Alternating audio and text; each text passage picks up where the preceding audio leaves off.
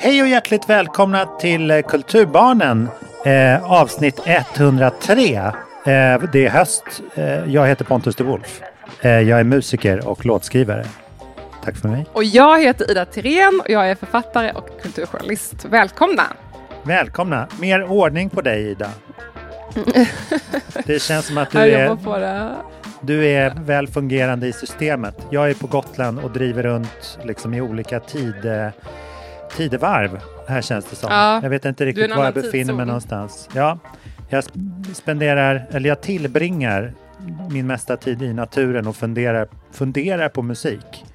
Det är liksom Mhm. där man kommer på de stora grejerna egentligen, i alla fall jag. Eh, jag liar, jag gör i ordning inför vintern. Jag fixar Mm. och donar. Och jag sitter på mitt frilanskontor i Stockholm och eh, jobbar Mm. höstlovet igenom. Ja, ordning och Min reda på dotter dig. går på fotbollsskola. Ja, precis. Så det har varit, Mm. alla har varit nöjda på sitt sätt.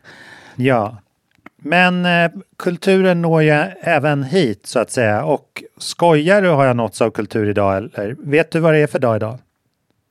Nej. Samhain. Det är ju- Samhain. Det är ju dagen då den sista Beatles-låten släpptes. Jaha. det var ingenting som jag hade top of mind om man säger så. Men, men det var på mitt. alltså, låt mig förklara. Det vi har ju varit inne på det här förr, att det har släppts lite så här åter... eh, Eller vad säger man? Om, omfixade Beatles-låtar mellan varven. 1995 släpptes ju de här eh, Free as a Bird och Real Love. Som vi... Fick den som singel på min födelsedag. Jag minns. Oh ja! Mm. Ehm, som, som då eh, kom från en gammal kassett som, eh, som John Lennon spelade in vid typ 1977, några år innan han sköts ihjäl. Eh, och skrev så här For Paul på. Ehm, Och sen så de, de fick då den kassetten sedermera av Yoko Ono när de skulle sätta ihop sin långa dokumentär och då så, så fixade de, så liksom la de på grejer så att det blev riktiga låtar på de här låtdemosarna som han spelade på eh, sitt piano i New York. Ehm, Men då, då, alltså George och Ringo och Paul, men då fanns det en låt med där som var i för skruttigt skick. Eh, där liksom pianot överröstade sången hela tiden. Ehm, Så att det gick liksom inte att göra någon vettig produktion på det. Så de, liksom, de gjorde några tappra försök och sen så arkiverade de det. Eller de liksom tappade gnistan lite grann. I know it's true. It's all because of you. And if I make it through, it's all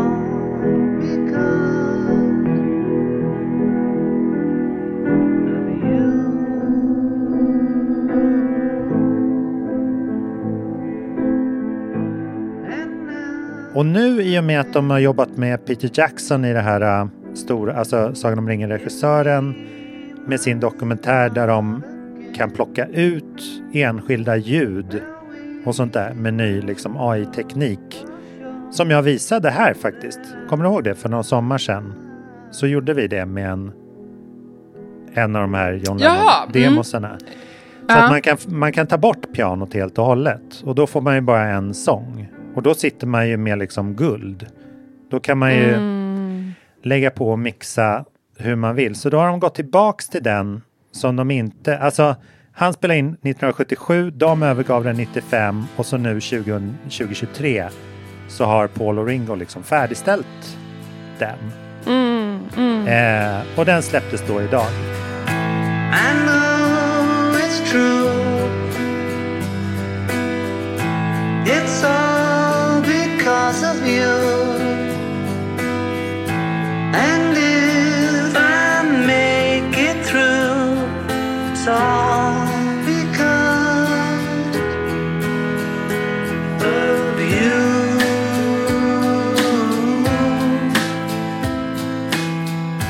And now Det är ju en, eh, en dramatik alltså. Den skulle liksom kunna heta den het, låten heter Now and Then. Ehm, och texten är liksom i, i spåren av så här Now and then I miss you. Ehm, I know it's true if I make it through it's all because of you. Alltså det är väldigt en berättarröst som liksom ger över ansvaret till någon annan. För liksom, eller som förlitar sig på någon annan. Och det, så att, men låten skulle lika gärna kunna heta så här Closure for Paul. För att de aldrig fick. Har det Liksom- liksom... bråk då, precis innan? De hade ju bråkat sen breakupet där 69. Eh, men Aha, sen okej. liksom blivit kompisar. Men det, det enorma traumat är att de aldrig fick skriva musik ihop. De fick ju liksom inte göra en reunion eller komma överens eller liksom komma över sina grejer. Eh, sina issues. Men det här blir ju som att så här, eh, John Lennon sjunger ur Paul McCartneys perspektiv. För det är Paul som saknar John. Men John sjunger att han saknar Paul. Så det blir väldigt, väldigt melodramatiskt. Ehm, men också väldigt, väldigt fint. Och liksom som med allt som det är med Beatles, varför man älskar dem över allt annat, är att det liksom är eh, inte ett band med låtar utan det är liksom en, en storytelling om ett band. Eller så här vänskap och kärlek och brotherhood och typ eh, samarbete och konstnärskap. Det är mycket speciellt. Så för oss då som har dykt huvudstupa ner i det här hela vårt liv så är det ju liksom en... Ja, den har också lanserats som The Last Beatles Song sen någon vecka. Ah. Liksom. För att det här är, det är sista gången som alla fyra kan liksom aktivt ha lagt sin sitt strå till stacken. För trots att då George dog 2001 så spelade han gitarr på den här inspelningen då 95. Så att hans, hans gitarr är kvar så att säga. Ehm, men eh, ja, så det har varit min eftermiddag. Ja. Den, den släpptes klockan tre nu i eftermiddags och eh, nu är klockan fem. Jag har lyssnat på den många gånger. Vi får väl se om det är sista låten. Alltså det tycker jag aldrig, tar aldrig slut med de här, säkert med AI. Det är ju, det, man vet aldrig vad de kommer hitta för någonting och fiska fram i, Nej, demo, i demolådorna. nej men det är helt sant. Det, det öppnar ju verkligen, men det är också på något vis så, så ställer det också frågan så här, vad är en låt idag? Och vad är den, vad var det för 50 år sedan liksom? Det är så himla ut... Ja, vad tänker du? Nej, lite annat spår. Jag vet inte om det passar ihop, men jag hade en lång... Jag, jag ska bara berätta då att jag är preface, att jag Ja. är väldigt... Eh, lite upplyft faktiskt, för att jag känner att jag börjar bli klar med min bok. Wow! Eh, ja, jag har hittat nu också vem jag vill ska vara redaktör och den redaktören har läst och vill vara redaktör och min förläggare tycker att det verkar vara okej. Så att det känns jättespännande att ehm, vi börjar närma oss den punkten kanske då när man kan lämna vidare och få lite rejäl feedback, inte bara övergripande utan liksom någon som hjälper en att sitta lite mer Gud vad härligt. ofta är det ju flera steg. Det, det, det är lite olika hur det går till, men generellt sett så finns det ju ofta flera steg. Att man kanske har en development-redaktör som kanske är lite mer övergripande. Så här, "Ja, men, tänk så här, eller det här funkar inte. Eller liksom så lite mer. Eh, och det kanske min förläggare har agerat nu. Liksom. Och sen är det ganska vanligt att man då har någon redaktör som sen sitter lite mer i detalj och flyttar på stycken och eh, funderar och pratar och sådär. Och sen kanske man har en till redaktör som sitter och bara och petar i meningsbyggnad. Alltså det beror på hur mycket resurser förlaget vill lägga in och sådär. På engelska kallas det för line editor och det är typ, jag har varit en debatt om det här kring att förlagen inte vill liksom lägga pengar på en line editor och sådär. Berätta igen, vad gjorde en line editor? Alltså de sitter med rad för rad helt enkelt och tittar på texten. Uh, som är språkligt och sådär. Och då, um, det är ju lite dyrt såklart, för då får man betala en till person kanske 30 till 50 000 på faktura. Liksom. Så det är klart att det är en sån grej man kanske inte gör om man inte verkligen vill lägga pengar på någonting. Nej. Um, En korrekturläsare, liksom. Nej, Nej. innan dess. Så de som verkligen sitter och liksom tittar på meningarna och liksom verkligen går in i detalj på, på språk och sådär. Sen kommer det vara en korrekturläsare, men det är ju mer, då är ju nästan texten klar. Tänker jag. Mm. Då är det ju inte så mycket feedback kanske man ska sitta och hålla på med den. Ja, så det finns ju, man kan Ja, ha hur många redaktörer som, spännande. redaktörer som helst. En redaktör är ju inte, all, all, alla redaktörer är inte lika mycket värda, så att säga. Mm. Eller lika, lika mycket värda, men lika, har samma funktion. Um, Mm. Men eh, jag, låg då, jag var lite så glad för jag kände så här, Åh, nu börjar jag närma mig. Och, och det är lite som när eh, vattnet, jag läste en krönika, tror, kan det ha varit Alex Schulman, eller någon, någon av de där grabbarna i DN, jag vet inte, de är lite så här, Walden och Schulman, det är lite, Ja, lite ja. ihop. De som har Inget ångest inför dem. sina kommande böcker. Exakt, inget Mm. ont om dem, men de är lite grann flyter ihop i mitt huvud. Men eh, de pratade om åldrande, så här, att eh, vattnet sjunker ner i badkaret, att det går snabbare och snabbare när man närmar sig slutet. Eh, Precis som att vattnet går ut snabbare och snabbare och korkar ur. Liksom. Och, och så där tycker jag verkligen inte. Jag tycker tiden går mycket snabbare. Mm. Jag hade förresten, en liten parentes här då, jag hade en konversation igår, hade jag, var det tre människor som jag pratade med som jag sa, ah, men jag har frilansat i 12 år. I olika sammanhang. Och alla reagerade liksom helt chockerade typ. Och jag var så här, vad är det som är förvånande i det jag sa? Och jag insåg att jag fick liksom bena ut vad, vad var det jag har sagt som är konstigt. Och jag insåg att alla jag pratade med var så här mellan typ 29 och 33 kanske. Mm. Så en teori är ju då att de tyckte att 12 år var fruktansvärt länge liksom. Och tänkte inte på att jag då är lite äldre än dem. Inte mycket, men liksom tillräckligt mycket för att 12 år ska vara att jag fortfarande var vuxen för 12 år sedan. Jag var inte tonåring liksom. Nej. Så att, ja, ja, det, det är ju en tolkning. Eller så är det så här, det är jättekonstigt att vara frilans 12 år. Jag vet inte, hade någon sagt till mig bara, ja, jag har varit jurist i 12 år, hade jag ju inte varit chockad liksom. Om någon som Nej, närmar sig 40 har varit, det väl ganska ja, det är väl klart det har varit det. Ja. Så att, men för mig, jag har insett att 10 år för mig är inte så mycket längre. Och det var det ju verkligen när jag var 30. 10 år var ju extremt mycket när jag var 30. Nu är det ju bara 10 år av vuxenliv av mina 20 Ja. år som vuxenliv. då var det mina enda vuxenliv. Liksom.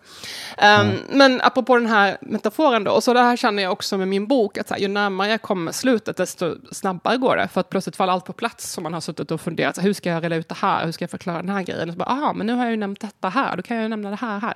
Ja, ni fattar kanske att, att det liksom blir lättare och lättare ju, ju närmare man kommer att bli färdig. Så det känns väldigt spännande mot slutet att jag känner att jag börjar närma mig det. Alltså jag varit ganska glad och liksom längtar efter att gå in till mitt frilanskontor varje dag och vill sitta hela tiden och sådär. Suttit upp på Ja, helgerna man, och... Jag fattar. Det- Då känns det också som att man, jobbet man puttar in blir någonting rejält också. Ja, Eller att man liksom... Just det. Man ser framåt man kan se inte bara det. här. Ja. Ja, Ja. Jag har hållit på i fyra år med den här boken och känt att ingenting har hänt. Liksom. Man sitter och bara Ja. harvar, harvar. Det känns som att det aldrig kommer ta slut. Men nu bara, oj shit, nu ser jag enorma framsteg varje dag. Precis som du säger. Ehm, så jag har varit på ganska så här, glad, är väl men, men positivt humör. Det, det är som att ni kan springa tillsammans lite, du och boken. Att ni ser målet. Ja, ja vad fint. Precis. Vi svingar Du tillsammans kan hela peka till, titta där borta. Vi springer dit. Nej men alltså, då pratade jag lite med min kille om det här i natt och jag var ah, jag är så glad, han är så glad för min skull, han är så gullig och det uppskattar jag så mycket. Och då sa jag det, alltså, det, är ju verkligen, jag tycker man märker att det finns olika strategier hos författare. Att antingen gör man som jag, då, att man håller på skitlänge med varje projekt. Min förra bok tog tio år, den har tagit fyra år. Och liksom håller på, håller på. Och jag var så här, hur många böcker hinner jag skriva i mitt liv? Jag vill ju skriva många böcker. Så jag har börjat räkna mycket så här, eller ofta under åren, tänkt så här, hur många böcker hinner jag skriva? Om jag, kan, om jag har tur kanske jag är hälsam tills jag är 80, och kan, eller tillräckligt hälsam för att kunna skriva. Jag behöver inte vara frisk i kroppen, men tillräckligt klar för att kunna skriva tills jag är 80. Det är ju inte ovanligt att författare skriver till 80. Då har jag liksom 40 år till, lite drygt. Det hinner jag skriva kanske, ja, vad kan man skriva? Tre böcker per decennium. 12 Verkligen. böcker, 15 kanske. Eh, men det finns ju också andra författare som... Jag läser en författare nu till exempel. Vad fan heter hon nu då? Ja, jag får kolla. Eh, som har släppt 30 böcker. Eh, och, och hon är typ 50. Så hon släpper en bok om året. Och, och då blir man lite så här... Okej, hur, hur jämn kvalitet kan de här hålla? Alltså det är nästan omöjligt att hålla samma verkshöjd om du skriver litterat- skönlitteratur. Så menar jag inte så här genre, crime, där det ska vara lite så här förutsägbart. Utan verkligen så här, det ska vara litterär litteratur. Det måste vara jättesvårt att hålla samma höjd på allt, allting om man släpper en bok om året. Men jag uppfattar att det finns liksom författare som pumpar ut sig böcker. Men det är väldigt svårt att... Det blir ju kanske inte alltid lika samma höjd på det här om man har fyra Nej, om nej. året. Alltså, det går liksom inte. Men då blir det en annan... stil. Och li- nu kommer jag in på demo-ämnet här då. Att, och då sa min kille, som han är så klok ibland, han bara, men alltså, det kanske är lite samma skillnad som så här, när man skickar in demos, alltså att, att man har lite den här, och jag tänker i efterhand att ehm, att det blir som ett, mer som en övergripande bild av en massa demos, liksom, på något sätt, än att man då väntar och, kämpar och kämpar och kämpar på en bok som tar fem år, som verkligen är så här, det här är det bästa jag kunde göra. Och det är två olika tekniker, tänker jag. Att man antingen då liksom satsar allt på ett kort, eller att man bara pumpar ur sig grejer. Och Ja. jag kan vara lite avundsjuk på de som är så otroligt produktiva. Men typ, jag, jag kan verkligen beundra det folk som är så. Jag bara önskar att jag också var så där snabb på ett sätt. Ehm, men det är bara inte hur jag jobbar helt enkelt. Jag måste sitta och liksom harva och putsa och fundera. Och sen, jag gör mycket research också såklart, Ja. som tar mycket tid. Liksom. Men det är, det är som att det finns olika sorters författare. De som är jättesnabba och bara kör, typ. Eller de som kanske behöver sin tid. Nej, men det, det är så svårt för att det är svårt att veta för att vissa kan ju inte bara välja att göra sina grymmaste verk liksom. Utan måste liksom färdigställa allt de påbörjar. Alltså att man, man får liksom, eh, för att ett, en låt eller en bok kan ju vara så här att man börjar tänka på någonting som kreatör. Att man så här, ens, ens intresse går mot ett håll och så här, nu måste jag undersöka det. Och då, då kan man ju antingen så här, bara, ja, ja, nej, men det blev inget bra, jag förkastar det och så går jag på nästa grej. Och att man, man har möjlighet att släppa det redan på ett skissstadium. Men andra kanske inte liksom jobbar med den, med den urskiljningsprocessen. Utan att man bara så här, allt får komma ut, jag måste färdigställa allt för att kunna gå till nästa grej. Och så liksom för att liksom komma till hittarna så måste jag även släppa Ja, de här liksom mellanlåtarna. Och som du säger, alltså det är ju ett vinnande koncept för i längden, långsiktigt. För att det finns ju, Mm. om man har liksom en, ett, eh, ett vad, vad säger man, ett livsverk, så här, Mm. a a body of work, då, Mm. då kommer ju saker att belysas eh, vid olika tillfällen. Alltså det kommer ju Jo. vara skivan du släppte 1987 som var jätte eh, liksom sågad då. Den kommer ju bli intressant 2014 för att den var med i en indie-rulle då. Eller liksom, man har ingen Mm. aning. Det, man är väldigt svår att, det är svårt att vara domare över det där själv. Liksom. Ja, men samtidigt man är också lite grann beroende av hits, tänker jag. För jag menar, kolla på Joyce Mm. Carol Oates som är så hyllad och har släppt, jag vet inte hur många böcker, liksom snackar Mm. 30-50, jag vet inte. Men jag kan tycka det är svårt med henne, för att var ska jag börja? Jag har bara läst ett fåtal av hennes böcker, för jag känner mig lite Mm. så överväldigad. Typ. Men det, hennes största hit är väl Blond, kan man ju säga. Alltså, den har vi många läst. Men jag tänker att de flesta författare som blir ihågkomna liksom, i efterhand har ju haft en hit. Tänk dig typ så här, F. Scott Fitzgerald. Vilken bok har alla läst? Jo, Great Gatsby. Jag vet inte hur många böcker han har släppt och de är ganska ojämna som- så vitt jag förstår. Jag har försökt mig på några stycken andra, Tenders the Night och sådär, men jag tyckte inte den var sådär kanon. Liksom. Men, man, men alla kommer ju ändå komma ihåg den för alltid för att han har skrivit en megahit. Um, och det är ju svårt om man är en författare som skriver liksom många så halv... det blir en annan upplevelse. Det blir så här, många böcker som är bra, men de blir mer som ett, som ett landskap kanske, än typ enstaka bomber. Ja, Eh, och jag, jag vet verkligen inte vad som är bäst. Jag kan av, vara avundsjuk på de som bara så här, kör, typ. Ja. Samtidigt som jag också blir lite, man blir också lite så här, oh, vad ska jag börja? Jag vet inte, det, det är många olika saker, det är olika metoder helt enkelt. Ja, och vissa författare är man ju intresserade av att veta var de befinner sig just nu. Då blir ju inte liksom ens kritiska öra riktigt lika eh, liksom skarpt. Alltså det är mer att man vill säga, var, var befinner hon sig i livet just nu? Eh, jag läste till exempel den här 15 år av den norska författaren Vigdis Hjort som kom ut nu i höstas. Har du hunnit läsa den?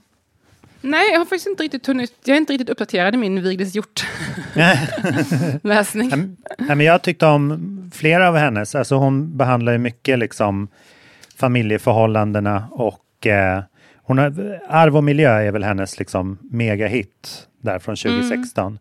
Ehm, och Är mor död heter en annan. Så här, familjeförhållanden och eh, eh, väldigt, väldigt så här, starka känslor och sådär. Eh, lite självbiografiskt. Och den, den, här, den här nya då som heter 15 år är en mycket liksom eh, smalare bok eller vad man ska säga. Alltså den, Mm. den är verkligen i väntan på nästa stora verk. Och så där, fast jag gillade den skitmycket så att jag skulle inte vilja liksom ha den oläst. Men den är verkligen så här, ja ja men den Mellanbok. stora romanen kommer sen. Och så där var ju Joyce Mm. Carol Oates också när jag så här, älskade att läsa henne. När det var så här Mm. blond och sen kom fallen och sen så, så var man tvungen att gå bakåt och så här innan nästa bok kom och så här. Och sen Mm. Ehm, men och så, då, kan det ju, då kan ju verkligen ens så här, äh, kritiska hjärna gå och lägga sig en stund. Om det är någons vars, vars hela, liksom, ja just, just body of work är det man faller för. Liksom. Man kan ju gå in i en värld liksom. Men risken när man jobbar som jag gör då, att man verkligen lägger jättemycket tid på varje projekt, så, så är ju att det verkligen kan misslyckas. Alltså har du släppt fyra böcker på ett år, då är det så här, ah, kul om något lyckas, men man kan också bara, ah, ja, jag bara kör. Typ, så här, det, det är inte hela världen om allting inte blir tänker jag. Nu vet inte jag hur, hur de tänker, eller hur hon tänker, Anna Nygren tänker på spec- specifikt, men eh, jag kan tänka mig att man bara säger, ah, ja, men det gör ingenting ifall inte alla blev liksom samma. Eh, men Nej. jag är ju så här, okej, fuckar jag upp den här boken som jag har på med fyra år, då kommer jag känna mig som otroligt misslyckad. Alltså det, det är verkligen, man tar ju väldigt mycket risk på det sättet. Att Man står ju och faller med det här enorma projektet, så kanske det tar fem år till innan nästa bok släpps. Liksom. Då har det gått ett decennium plötsligt. Så Ja. har man inte gjort ett piss. Liksom. Så att, ja, det är väldigt riskabelt att ha den metoden. Ja. om Så. Men känner du att du liksom eh, masserar tills det blir bra? I din process? alltså jag, jag vill verkligen att det ska... Men också har jag så mycket research i mina projekt, så det är det som är problemet. Alltså jag har så stora ambitioner Mm. med allting. Ja, och blir det liksom, hade jag jobbat lite mer på att skriva så- om samtidsgrejer, där jag inte behöver kolla upp någonting, då kanske det hade tagit Mm. mig ett år att skriva.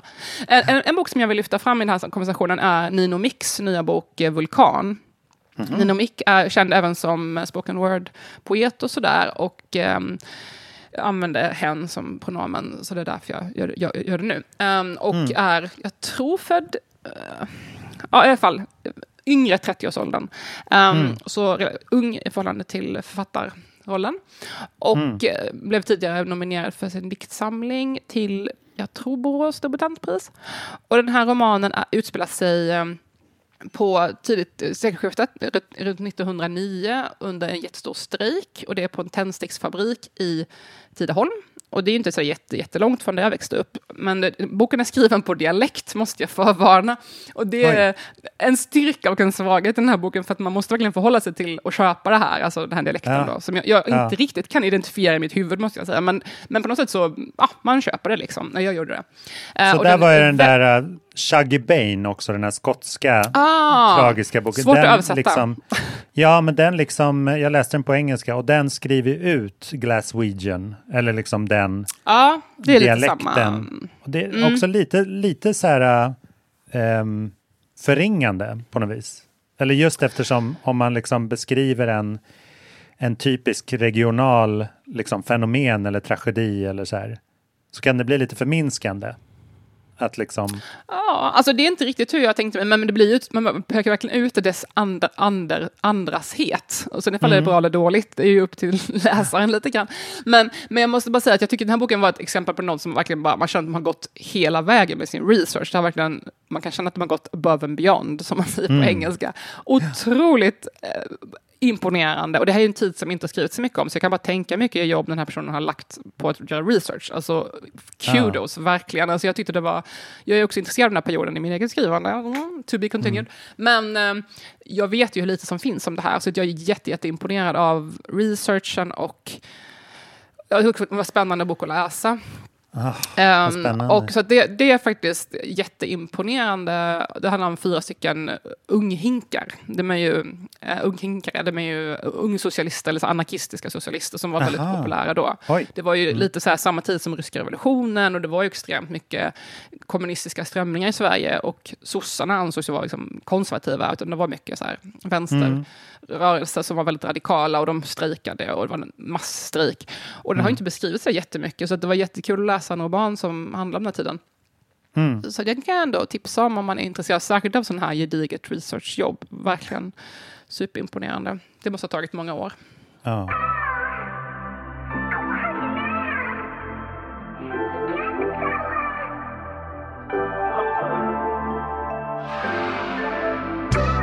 Här på Gotland så, så softar jag emellanåt med en fantastisk bok som heter Himlen nära. Som är en, en, okej. en ny snackis. Ehm, det, är, ehm, det, det knyter ihop alla de här sakerna du berättar om för att det är Lo Dagerman, alltså dotter till Stig Dagerman och Anita Björk, som har skrivit en bok om eh, det parets konstnärskap, livskamp och kärlek.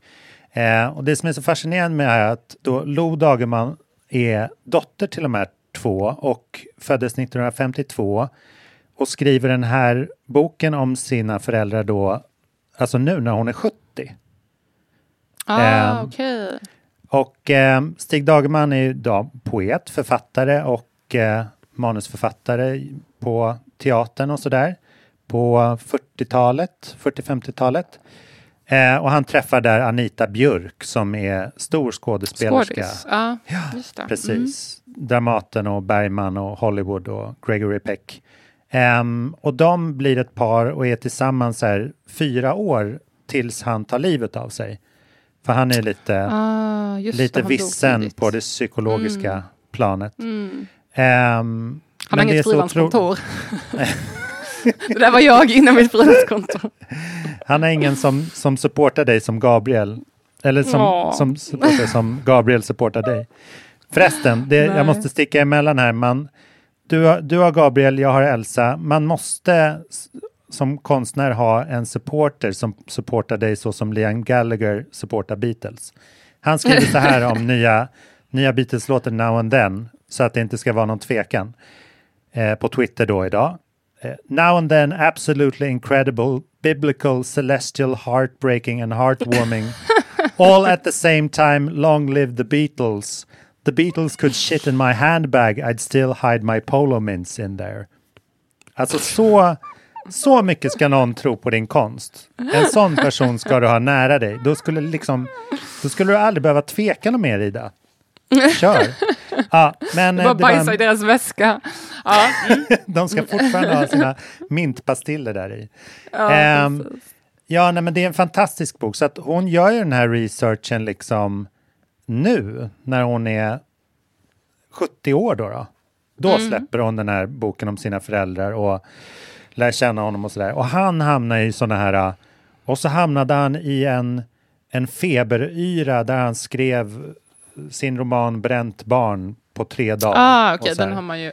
Ja, just det. Mm. Den har man ju inte, den feber. Den har man ju... Jo, men jag, har, jag tror jag har läst den, men jag blev osäker. Jag tror jag läste den på gymnasiet. Ja, mm. Ja, men, eh, nej, men att ehm, den, eh, den är verkligen helt fantastisk. Och den är så himla bra upplagd. Alltså den är hon skriver ju jättebra. Hon är ja, kulturbarn, hon har ju mycket att brås på. Och det är liksom generational kulturbarn. Det är så här, Anita Björk växer upp med en pappa som är vi- violinist och hennes morfar är så arkitekt och ritar bland annat Nordiska museet. Så att det är bara så här ja, ja, ja. mega fet kulturstatus på allting som Mm. näm- nämns i den här boken. Jag parallellläser den faktiskt med att eh, lyssna på inspe- inläsningen av Britney Spears bok The Woman in Me. Ja, högt och lågt. Eh, Ja, verkligen. Det är en, en eh, otroligt dålig bok. Den är dåligt översatt Jaha, och så är den oinspirerande inläst. Den, det är riktig skit faktiskt. Jag vet Jaha, inte vad jag trodde. Jag, Mm. jag var så här sugen på att vara i Britneys glittriga värld lite grann. Mm. Men den är verkligen så här, om jag får parafrasera snabbt så är det så här, och så sökte jag in till Disneyklubben och eh, när jag fick det och började jobba på måndag så träffade jag en kille där som hette Justin Timberlake och eh, en tjej som också sjöng som hette Christina Aguilera och en gång så hade jag inte pengar till taxin som min mamma hade åkt dit med och då sa Justin Timberlakes mamma här, du kan låna pengar av mig och så fick jag det. Alla var som en enda stor familj. Alltså det är bara så här, man bara vad fan händer? Det är liksom ingen, det finns ingen till liksom tempoväxling eller så här upp eh, inför. Det här är första gången jag hör dig verkligen vara kritisk mot någonting Ja, men hon är på avstånd. Så. Men sen samtidigt så man vet aldrig med Britney så här, är det Hemingway? Är det här bara ett sätt att så här, skala bort det oväsentliga från en historia? Men det, det är Men Det räcker märkligt. inte, det måste bli konst också. Ja. Ja, Men hon måste, jag, jag tänker med henne dansande med knivar samtidigt, nakendansa med knivar, så, så Med rakat kommer huvud. liksom make sense. Och Mm. då, um, nej men som sagt, alltså man vet inte vad en bra spökskribent skulle kunna ha gjort med det här. Jag förväntade Alltså, mig det- väl blond, men fick, fick inte det. Ja. Jag väntade mig blond. Mm. Nej, men alltså, jag jag bara säga, apropå det här med att lägga väldigt mycket tid på sitt konstverk. Jag var på Danilo Stankovic som är eh, svensk konstnär, boende i Malmö. Eh, han hade en ny utställning på eh, Stensen Berliner i Stockholm. Och jag skrev om det lite grann i Art Notes. Men framförallt var jag bara där på besök. Sen kände jag att jag måste skriva om det här för det var så bra. Och det var helt otroligt för att han har inte ställt ut något på typ sju år. Men gjort de här konstverken, jag tror det var fem enorma tavlor. Vi snackar fyra, fem meter. Jag vet inte exakt, men flera meter höga. Och de så mäktiga och fina. Och de gjorde med en särskild så här, teknik, så här, små, små streck. Liksom streck han har gjort, så streckteknik. Som måste ha tagit hur lång tid som helst. Och tydligen var det här allt han har gjort de här åren, om jag förstod det rätt. Men tydligen verkar det verkar som att han har gått igenom en ganska djup introspektiv period, om man säger så. Ah, Förhoppningsvis, förhoppningsvis, förhoppningsvis inte bränt barn, men jag vet inte några detaljer. Men jag, vet, jag förstod bara att det har varit liksom en lång period av inre arbete och det här kom upp och jag kände bara wow, alltså det här guldet han har hittat i det här grävandet, otroligt fint. Det är som så Gud, mystiska, spännande. mytiska landskap med liksom känsla av så gamla tempel och liksom kvinnor som Mm. vars händer håller på att brinna upp. Alltså, jättefint, det finns bilder på nätet och sådär. Men om man Det är låter i Stockholm så vill jag tipsa om att besöka, för det, jag tror det håller på lite till i alla fall, så tips att besöka om man är där. det låter lite som pointillism, Ja, eller precis. liksom lite, lite sådär. Fast, på något sätt. ja, något sånt där. Fast ändå liksom neonaktiga färger. Så väldigt modernt, men ändå något klassiskt i greppet som jag tyckte var väldigt Gud, fint. vad och sen har jag också varit på Ja, det har varit så mycket konst. Alltså, jag, var, eh, jag var bjuden till Rodebjer. Hon hade bjudit in eh, Hans Berg och Nathalie Djurberg, konstnärsduon, att hålla ett artist talk i butiken. Så jag, fick, ja, jag blev inbjuden. Eh, men det var jätte, jätteintressant att lyssna på, för att de har ju väldigt intressant dynamik de två. Han gör ju ljud och hon gör ju skulptur. Och hennes arbete tar ju otroligt mycket längre tid än ljud. Men de har ju jobbat ihop liksom i 20 år och var tidigare ett par, men nu jobbar de bara ihop som vänner. Eh, och han bor i London nu och hon bor i Alingsås. Och han åker till Alingsås liksom ett par veckor i månaden. Så det var jätteintressant att höra deras, eh, de prata om det här. Eh, de har ju eh, få- fått ganska mycket uppmärksamhet internationellt och gjort eh, även mycket samarbete med typ så Prada och liksom såna grejer. Och jag skrev om deras utställning i Los Angeles. Jag var där då när de hade sin utställning i Los Angeles, så det här var lite samma. Jag Mm. kände ju till mycket, men det var jätteintressant att höra samtalet. Så det har jag också varit med om. Och Ah. sen har jag läst otroligt mycket böcker. Ehm, så det jag, kan jag också tipsa en liten snabb lista. Och sen har jag också varit på utställningen Fotografiska. De har en utställning om hiphop-foton. Oj. Eh, Hiphop-historien. Ja, det jag- är ju... Mm. ehm, och det var ganska Ja. kul, för att nu var det några veckor sedan, men vi har inte poddat på det ett tag. Men det var i alla fall vernissage för den här, och då var det ju hiphop-foton, mycket amerikanska då. Men det var ju svenska hiphop-personer som var där och representerade. Typ ametist och sådana här personer. Eh, Ja. Och så plötsligt mitt i alltihopa så bara, kan ni gå in i andra rummet? Då är det Petter och I som uppträder låtar Åh, hej. från från hans skiva Bananrepubliken som kom för ja, 20 år sedan. Eh, och de Wow, körde verkligen så, här, roligt. så klart, alltså de låtarna som man kände igen då. Så det var jättekul. Men det roliga var att Petter, det var så bilder på den i bakgrunden när man såg honom när han var typ 25. Men han såg ju exakt likadan ut. Alltså, det var ju Ja. så ingen, han hade gått 20 år om han såg likadan ut. Så det var lite kul. Det var, men det var så här, eh, hiphop i Sverige firar var, 50 år eller 20 år eller vad, de nu då till med. Så det var liksom Ja, att någon slags, de hittade någon slags firande där. Men så det var för att uppmärksamma den här utställningen. Men, men det var kul. Eh, och om Mm. man gillar man hiphop så tycker jag absolut att man ska besöka den här utställningen. Det var ingenting så här mega mm, konstnärligt kanske jag inte var så här chockerad, men det var ju ändå Mm. lite kul och nostalgiskt om man är intresserad av den här perioden. Men jag tror Ametist har liksom happenings där, typ på fredagar i samband med det här. Aha, Eller någonting okej. sånt. Man kan kolla upp det. Ja, ja. Om man vill lite. Jag har ju också varit på lite utställningar fast i den andra stan Paris som vi brukar. Ja, i Rapportera från då. vägglusarnas huvudstad. Vi såg inte till dem. Jag är mer utav eh, tror nu att det är en så här, rysk smutskampanj, smutskastningskampanj inför Oj. OS för att liksom Oj. eh, avleda från att eh, ryska idrottsmän ska förbjudas att delta eller inte. Det är min Men teori. gud, vilken Vi såg i alla- konspirationsteori. Ja, tack, tack för mig. Mm, Men det, det, var i alla fall inte ett, ett ord, inte en skylt, inte en liksom eh, inte ens ett rykte om de här väl på plats, utan det var väl liksom Inte en bara... fluga för när. Nej, precis. Det var, det var väl bara en Facebook-status som brydde sig om det här. Eh, Det kanske blir lite Anyway. kallare nu också. Det kanske är lite mer... Ja, mm, okej. Ja, vi var ju liksom eh, beredda på regn och jag skröt om att jag skulle till Rothko-utställningen här i den här Louis Vuitton Foundation borta i skogen i västra Paris. Där. Jag har rodebjär, du har vuton. Ja. Men vi blev, våra planer blev totalt, eh, de benen sparkades bort under dem på grund av att det blev extremt vackert väder medan vi var där. Det var liksom, så vi kom inte in på så många museer som vi hade tänkt oss. Så Rothko får vänta. Men vi var på det otroliga museet eh, Orangeriet. Eller det heter Ora- Orangeriet bla bla bla någonting Ja, i, ehm, eh, ganska nära Louvren, i den här avlånga parken som ligger mitt i Paris, vid Place de la Concorde. Typ. Ehm, har du varit där? Jag, jag försöker tänka, men jag tror inte att jag har varit där. Jag har varit på la- la Concorde, men jag har inte varit på Orangeriet. Nej, men det roliga och varför det är ett orangeri, det är för att det, eh, det designades och byggdes någon gång på 10-talet, 1910-talet, eh, i samarbete med Claude Monet, som då var etablerad eh, konstnär där och hade sina Necros eh, Gardens i sin Necros Garden utanför Paris. Eh, och han designade ett meditationsrum där.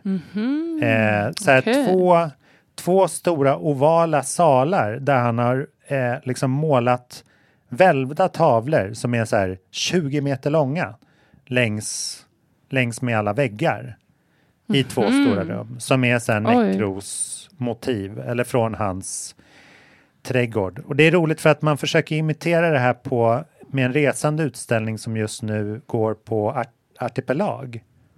Om du har sett det här när man liksom Aha. projicerar hans verk i stora rum och så ska man sitta på Jaha, knä och meditera och sådär. Ja, ja. Mm. Eh, men det här var ju liksom the real deal. Och det var, det var helt breathtaking. Man måste vara där vid öppning om man inte ska ha liksom tusen turister som står i vägen för tavlorna. Men då kan man komma dit och andas och njuta av det fantastiska solljuset som kommer in i, i en cykel då, liksom uttänkt från hans sida. Um, och det här museet föll i glömska för att han tillhörde då expressionisterna eh, och tillsammans med Cézanne och allt vad de hette i, eh, i Paris på den tiden. Och de blev ju helt ute så fort så här, dadaisterna och modernisterna och Picasso de här kom in och började göra liksom eh, mer abstrakt konst eller liksom utveckla det psykologiska så att det bara stängde och höll på att förfalla skadades Jaha, i kriget oj. och allt där och liksom var ingen, alltså folk var så liksom eh, demonstrativa i sin konstsmak på den tiden att de så vägrade gå dit. Så det var liksom helt tomt bara. Eh, men sen så liksom återfann sig intresset och det renoverades för några år sedan. Och nu är det här liksom världens dyraste konst. Och det roliga är att den har en liten så här perfekt samling från den tiden av de stora konstnärerna i Paris. För att de var så här jättebilliga då. Eh, så de, de bara liksom låg kvar i källaren. Så att utöver de här Sjukt. två liksom extrema verken så kan man ju även se då Picasso och eh, Modigliani var en tillfällig utställning av där nu och liksom ja, alla som bodde i Paris på den tiden. Men det, det är så intressant när saker är så mycket en, en del av sin tid på det här sättet. Alltså, och sen Ja. kanske det kommer tillbaka, men då kommer tillbaka på ett nytt sätt, som någon slags revival. Jag tänkte på, när jag var på den där hiphop-utställningen så såg jag Frej Larsson och Herbert Munkhammar.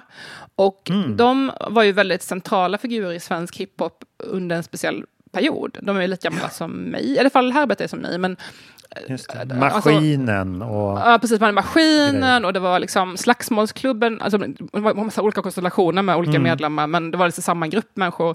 Far och son var ju med Simon Gärdenfors och Frid Larsson. Ja. Och, alltså, var- ansiktet är väl också Oskar Lindros va? och Herbert Munkhammar Mm. tror jag. Alltså, det var ju liksom samma människor som hade massa olika band och dominerade faktiskt lite grann Ja. svensk hiphop under en Afasi och Filthy afasi och. Ja, precis. Afasi just det. ja. Afasi är Herbert Munkhammar, eller? Nej, Mm. är afasi. Ja, nej det är han. Och Filthy är ju... ehm, Är det eh, Larsson? Mag- Magnus um, Lidehäll.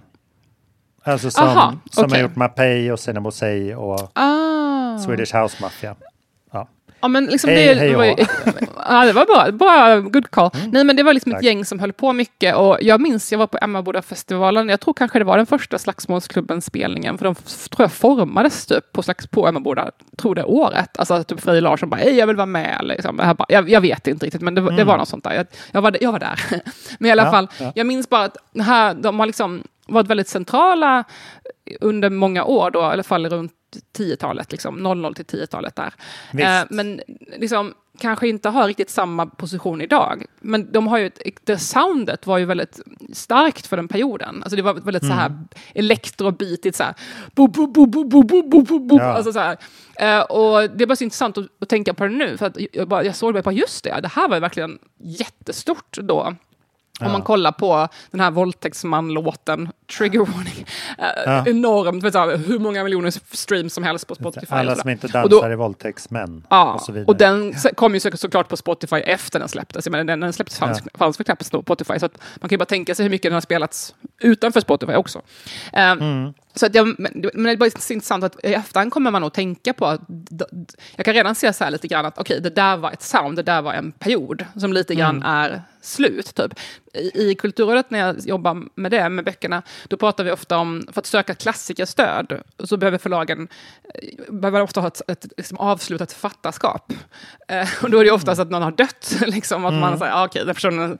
Men, men på något sätt kan man ju se det ibland i, inom musik mycket tidigare. Nu säger jag inte att de avslutar, men, men generellt att man kan ju se så här att folk det är intressant när man ser hur någonting börjar forma sig. Vi pratade om tidigare om att man, man pumpar ut sig i sina böcker eller sina låtar och liksom kör. Och sen så plötsligt börjar det så här, när tar det slut och när kan man titta på det som en helhet? Man kanske inte kan förstå det som en helhet förrän 20 år senare eller efter Eller någons död till Beatles, exempel. 70 år senare kanske. Nej, men man måste liksom se det så här, på något sätt lite så avslutat eller på något sätt för att kunna riktigt förstå eller uppskatta eller greppa det. Ja, alltså, ja. Folk kanske inte riktigt förstår vad jag försöker göra förrän om 50 år. För de bara, aha, nu ser vi Idas 15 böcker, nu börjar vi se ett mönster här. Liksom. Eh, Men jag vet inte, det finns något intressant med det här, tycker jag. Och Sen kanske det kanske händer att de gör en comeback med ett helt annat sound som känns liksom... Men, så det är ingenting, ingenting om dem egentligen. Men jag fick mig bara tänka på det här, alltså när man när det förknippas väldigt starkt med en viss period, och man har en viss era i Mm. soundet. Och men The Beatles var väl lite så också, att det var ju en ganska kort period som de faktiskt höll på. Sen så slutade de ju äh, göra musik. Ja, ja, ja. ja visst. Eller de gick Men- solo har jag hört. just det, ja. det, just det, det finns han, eh, Paul McCartney. Ja, nej, jag, jag vill, får jag bara ge några boktips? Det går snabbt, Ja. jag ska inte lägga ut orden. Jag, tycker att, jag vill tipsa lite om några böcker som jag har läst. Bland annat- tycker jag Ylva, Ylva Gripfeldts Det gudomliga tillståndet. Det är en diktsamling, men den är väldigt tillgänglig skulle jag säga, även för folk som inte är vana att läsa lyrik. Den handlar om ett barn som blir utsatt av någon slags Tipsade om det här i förra podden? Det känns som att jag har sagt det här förut. Uh, ja, förlåt, stryk. Jag tror inte. Ehm, nej, okej. Ett barn som blir utsatt för någon slags våld eller övergrepp, man vet inte riktigt, så det är inte uttalat. Eh, men det är en känsla av så här, rädsla och hur barnet förhåller sig till en vuxen, som, eller en pappa i det här fallet, som har någon slags eh, kontroll eller makt över en. Och det är ganska så här, obehagligt men ändå väldigt finstämt. Eh, så den tycker jag man kan kika på. Och även då om man inte är van att läsa poesi så tror jag att man kan ha mycket att få ut av den. Ehm, sen vill jag tipsa om, Anino Mick har jag redan nämnt då, Vulkan. Ehm, Axel Borenius har skrivit en essäbok som handlar om hans forskning om den vitryska författaren Svetlana... Jag kan inte Alexievich. uttala det. Alexievich. Alexievich. Ja. Ja, precis. Och eh, den verkar, jag har faktiskt inte läst den, men jag började läsa den och tyckte den var jätteintressant. Jag tänkte jag skulle läsa klart den. Ehm, och sen vill jag tipsa om Carl Coffey Ahlqvists bok Ingen ro om natten. Den här är faktiskt eh, jättetips, måste jag säga. Oj, Ehm, vad roligt. Och, ja, och inte sådär jättevåldsamt lång heller att läsa. Den är väl sådär 150-200 sidor. En daybook, som, det, som jag har kallat det tidigare i podden. Ehm, det är väldigt kortfattat så utspelar sig i Malmö och Köpenhamn och på Öresundsbron. Ehm, en ung svart man som ja, man kan misstänka påminner i alla fall lite grann om författaren själv, eh, som har blandat ursprung då, en pappa som kommer från ett land i Afrika och en mamma, mamma som kommer från typ Öland kanske. Ehm, Och han flyttar till Malmö där pappan bor och slits mellan liksom någon slags längtan efter att ja, kanske skriva och kanske så försörja sig, men eh, han är så här tidiga 20-årsåldern kanske. Ungefär. Och eh, nu har jag, förlåt att jag är lite vag, jag har inte läst den på ett tag nu, så det är därför jag är lite vag med detaljerna, eh, vad jag minns. Men eh, att han blev väldigt sexualiserad och till och med började sälja sex till framförallt kvinnor då i Malmö och Köpenhamn. Och på något sätt är det slags medlande med den här sexualiseringen och fetischiseringen som många svarta män kan uppleva. Eh, Så det är en väldigt så här, uppgörelse med det på många sätt, men också en uppgörelse med relationen med pappan, så det är en väldigt så här, fin far och sonskildring, som är egentligen central för boken, skulle jag säga. Det handlar mycket om relationen med pappan, den här lite komplexa relationen. Han har inte varit riktigt närvarande när han växte upp och sådär. Jag tyckte den var jättefin, verkligen. Nu, förlåt att det var lite vag recension här, för jag har inte förberett detaljer, men jag vill bara tipsa att läsa den. Jag tyckte den var faktiskt jättebra. Eh, och sen en sista liten tips är Ida Maria Hede, som är en dansk poet som har släppt en bok som heter, på svenska som heter Bedårande. Det här är lite mer åt det obskyra hållet, kanske man kan säga, lite mer, eller avantgardistiska hållet. Men jag tyckte den var kul. Det handlar om eh, föräldraskap och få barn och sådär, men den är ovanlig, lite punkig och sådär. Så om man vill läsa någonting lite ovanligt så kan man titta på den. Wow. Ehm, det var mina tips. Och sen vill jag tipsa om två ljudmaterial, böcker, Ja. poddar. Det ena är P3, eller P1 dokumentär eh, av Matilda Berggren som är känd för att bland annat, eh, hon var den som var med och startade Ligga med P3 bland annat. Där jag också var med i panelen under några år. Eh, Ja, ja. Inte när hon var med, men eh, perioden efter. Ehm, hon har släppt en eh, sån här dokumentär då, som heter De kallar oss Butch. Och den handlar om hennes Butch-camp. Där hon bjuder in andra som identifierar sig med Butch och den relationen till den rollen. Jag tycker det var så himla intressant för att jättebra dokumentär och väldigt fin, så här, fina intervjuer och samtal. Men också väldigt intressant, för jag menar, förr i tiden var det ju väldigt stark så här, butch-fam-dynamik inom lesbiska communityt. Idag Ja. ser man ju mycket större flora och de nämner också i intervjuerna så här, att det finns en status att queer, man ska vara status, att det är lite mer status att vara androgyn till exempel, än att vara butch. Liksom, det anses vara lite så gammaldags på något sätt. Och idag ser vi också många fler Retro. som är, Ja, men liksom, och idag är det många som identifierar sig som ic- icke-binära, som kanske tidigare hade valt butch, vad vet jag. Alltså, det var intressant att, att lyssna på de här tankarna och det väckte mycket tankar hos mig om så identitet. Och, så det kan jag tipsa om. Eh, och även... Eh, det var faktiskt in- inte alls någon bok, det var ju en artist. Jag har lyssnat väldigt mycket på Alex G. Och jag tycker att jag vill tipsa om honom. Har du hört honom någon gång? Nej, jag tror inte det. Um, här var den inkvoterade vita mannen i min lista. Ehm, eh, nej, men han är en, en kille i USA, i New York tror jag, som jag såg honom på Way Out West här året. Jag tror jag pratade om det i podden kanske. Eh, han är kanske Ja, så det runt känner jag igen då. 30. Och det här är egentligen inget nytt, det är bara jag som har lyssnat på honom mycket och inte gjort så mycket förut. Eh, Men han började släppa musik, jag tror det var under pandemin som han blev populär på internet och fått en så här kult-following och blivit jättestor. Men om man inte har hört dem så tycker jag när man ska lyssna på hans mest lyssnade låtar, om man gillar lite så här pop, indie så, så tycker jag att missa Cool. inte Alex G. Även vi som inte, inte är på. Gen Z. Ja, det var mina tips. Jag kan ge en avslutande shout-out då till en ny podd som heter Kulturmännen. Som är, eh, din och Nu mina inkluderar jag lite mer vita män. Ja, ja, exakt. Nej, men det är lite med, med glimten i ögat det, namn, det har fått sitt namn. Det är ju nämligen en podcast som jag producerar. Eh, som du Whoops. kastade åt mitt håll. De Ja, eh, det unga, unga in dig. Apropå så här, författare som är ängsliga inför sina releaser. Eh, de heter Gunnar Ardelius och eh, Anders eh. Anders Rydell. Eh, och jobbar på Statens museer och Författarförbundet och lite sånt där. Och de, den podden handlar om kulturpolitik och deras Mm. erfarenheter eh, både som liksom författare och som verksamma inom eh, kulturdebatten och i Sverige och sådär. Jätteintressant. Jag lär mig otroligt mycket. Ja, Ah, vad Ehm, kul.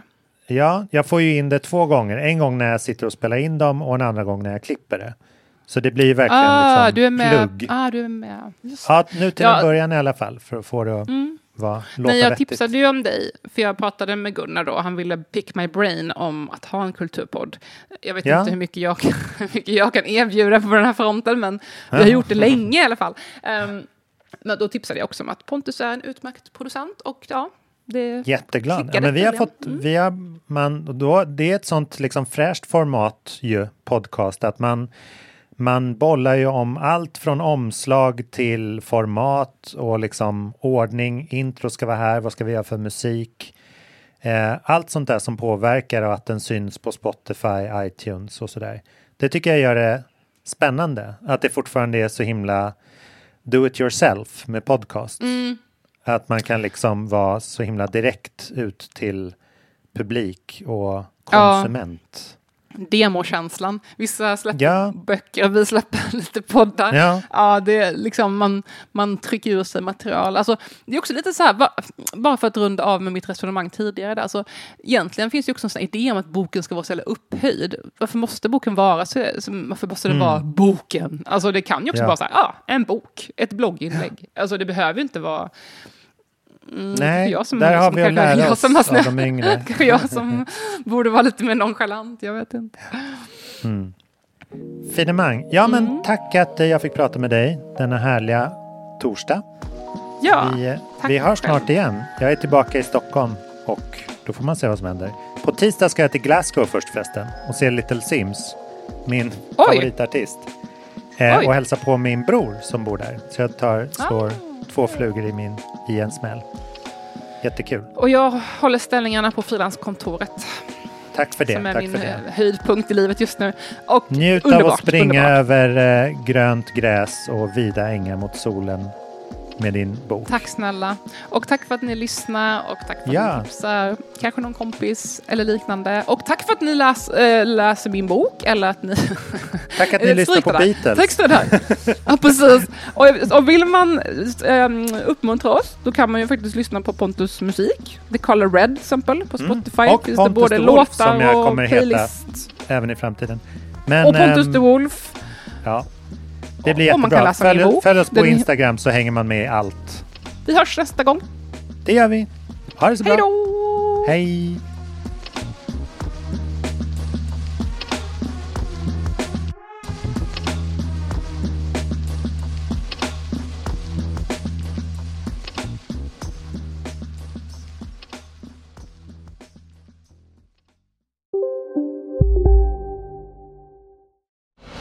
Nu på Storytel. Försvarsadvokaten Lydia Levander får chansen att lösa sitt största fall genom att försvara en misstänkt mördare. Hur långt är hon och kollegorna på advokatbyrån Pegasus beredda att gå? Fallet Mikaela. En ny deckare från succéförfattaren Anna Bågstam. Lyssna nu på Storytel. Hej, Susanne Axel här. När du gör som jag och listar dig på en av Krys vårdcentraler får du en fast läkarkontakt som kan din sjukdomshistoria. Du får träffa erfarna specialister, tillgång till lättakuten och så kan du chatta med vårdpersonalen. Så gör ditt viktigaste val idag, lista dig hos Kry. Välkommen till Maccafé på utvalda McDonalds restauranger med Baristakaffe till rimligt pris. Vad sägs om en latte eller cappuccino för bara 35 kronor? Alltid gjorda av våra utbildade baristor.